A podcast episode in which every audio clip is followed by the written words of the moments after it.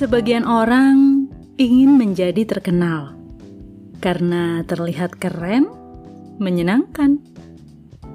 Menjadi terkenal itu satu hal, namun menjadi berdampak akan jauh lebih bermanfaat.